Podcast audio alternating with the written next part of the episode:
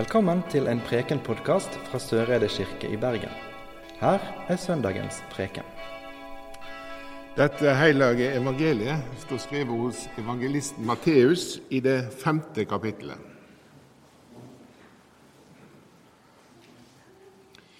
Ja, det sier jeg dykk. Er ikke dykkar rettferd mykje større enn rettferda til de skriftlærde og fariseerne, kjem det aldri inn i himmelriket. De har hørt det sagt til forfedrene, du skal ikke slå i hjel.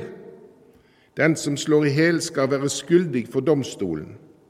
Men jeg sier dykk, den som blir sint på bror sin, skal være skyldig for domstolen.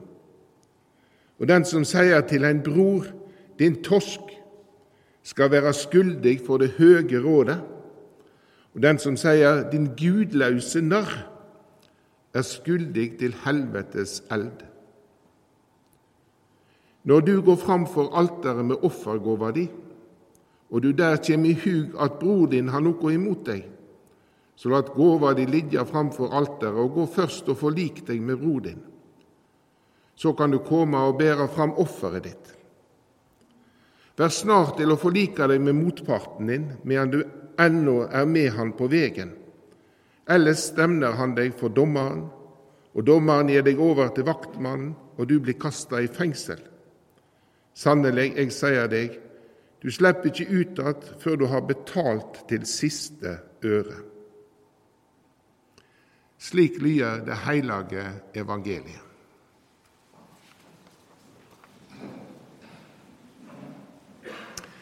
Dette er veldig sterk kost, det vi har hørt nå. Eh, og Jeg snakket med Sølvi før gudstjenesten begynte. Hun kvidde seg for å lese fra Galaterbrevet, for det var så sterke ord. Så sa jeg at det er enda verre det jeg skal holde på med. Og det er det jo. Men spørsmålet blir altså reist av Jesus, som stiller det spørsmålet. Vi er midt inne i bergpreika. At hvis du skal bli frelst, så må du ha større rettferd enn fariseerne og de skriftlærde. Og Jesus snakker altså med en klar adressat. Og Hva er det egentlig Jesus vil prøve å få fram her, når han bruker så sterke ord? Da må vi begynne litt med fariseerne og de skriftlærde. For de skriftlærde de var utdannet teologer og verka som teologer og byråkrater i Jerusalem og ga konkret rettledning til folk om hvordan de skulle leve livet sitt. Og kunne, Da kunne folk komme til dem med alle slags mulige konkrete spørsmål i hverdagen og få et riktig svar. Sånn skal du leve, sånn skal du gjøre det. Og Fariseerne de var en mer sånn lekmannsbevegelse, om du vil, som var veldig opptatt av at folk skulle holde alle båd i Bibelen. Og De var spesielt opptatt av sabbatsbådet, men òg mange andre båd. Og De gikk jo rundt og passte på at alle levde sånn som de skulle leve. Men det som er hele logikken bak her, det er det at hvis du gjorde det de skriftlærde sa du skulle gjøre, og hvis du overholdt alt det som fariseerne sa du skulle overholde, ja, da var du innenfor. Da var du innenfor Guds rike. Det var det det kom an på, rett og slett. Og det er dette på en måte Jesus tar et voldsomt oppgjør med i denne som, denne evangelieteksten som vi nettopp nå las. Men hele logikken bakom er den at du som menneske kan være i stand til å leve godt nok til at du kan komme inn i Guds rike.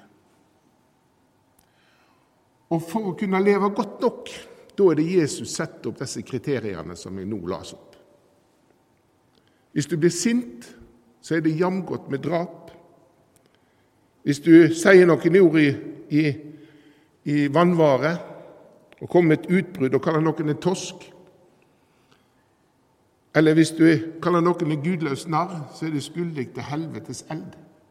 Det er fordi Jesus sier noe her om at det samme hva du gjør, så vil du aldri klare å oppnå det som må til for at du skal være en del av Guds rike.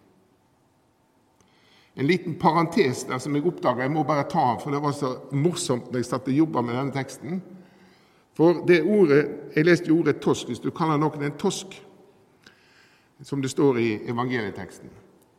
Og Det ordet det er henta fra et arameisk ord som er raka. Og det betyr tomhet. Så du kan egentlig si at hvis du kaller noen en tomskalle Ikke en trost, men en tomskalle.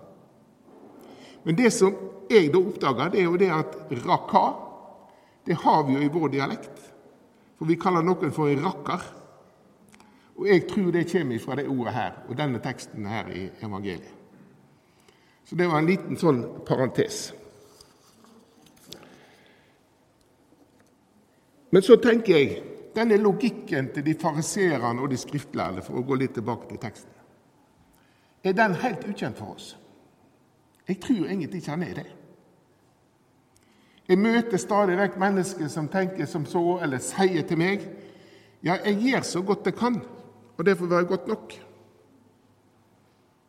Eller vi møter mennesker i vår kirke eller i andre sammenhenger og i våre diskusjoner som er fryktelig opptatt av Bibelens klare ord og tar alt bokstavelig, og er veldig opptatt av å si hvordan folk skal leve riktig. Er det noen som kjenner igjen noe av dette i vår egen samtid? Jeg tror vi har det. Altså Denne tankegangen om at vi skal være i stand til å leve det godt nok for at Gud skal vise nåde for oss, den har vi med oss hele tida.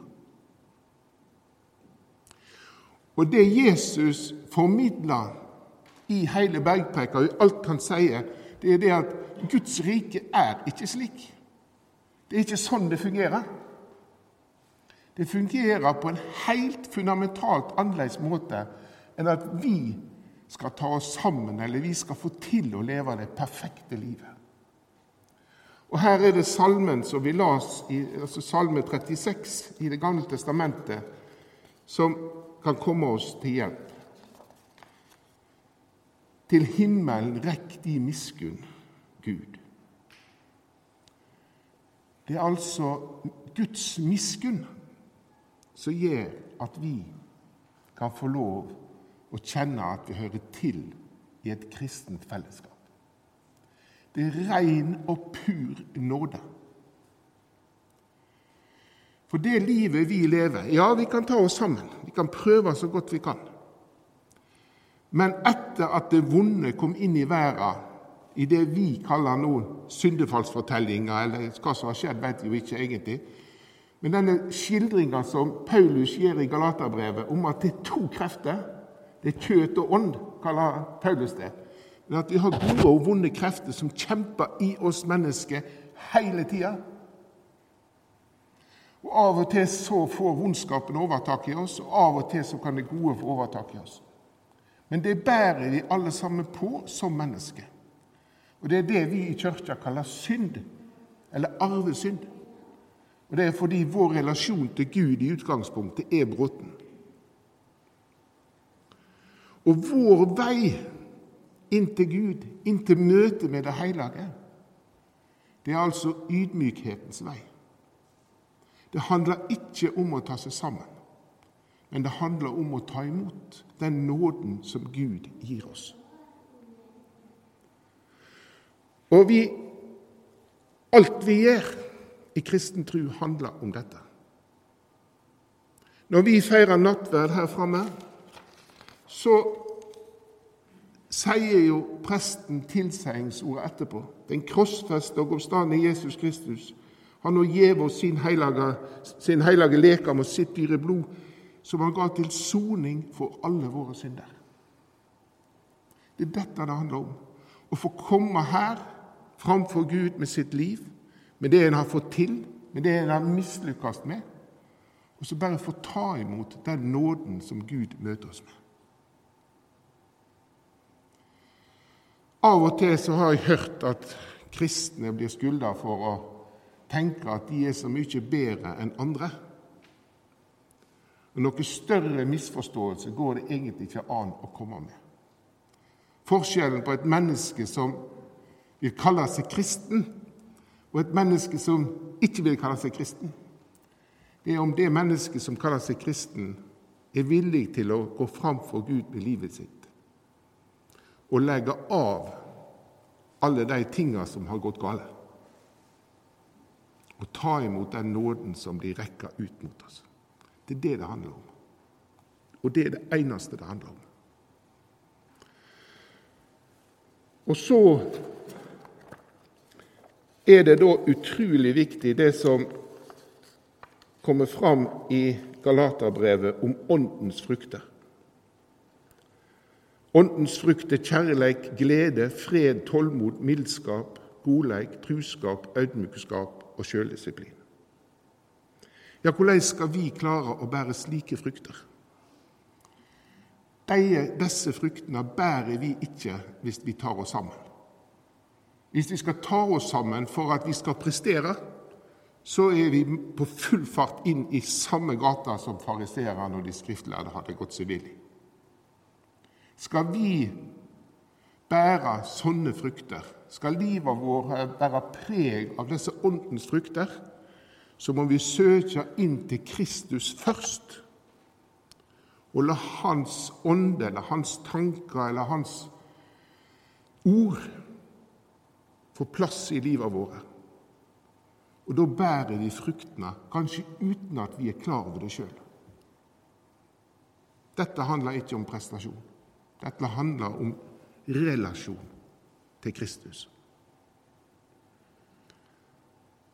Å være kristen, det handler ikke om å ta seg sammen, men det handler om å ta imot. Ære være Faderen og Sønnen og Den hellige Ande, som var, er og være skal, en sann Gud fra evig og til evig. Amen. Du har nå hørt en Preken-podkast fra Søreide kirke i Bergen. Vi samles til gudstjeneste hver onsdag og søndag, og har ellers arrangement for alle aldre. Følg oss gjerne på Facebook og Instagram, eller finn oss på kirken.no soreide. Takk for at du hørte på. Inntil vi høres igjen, ha en god uke.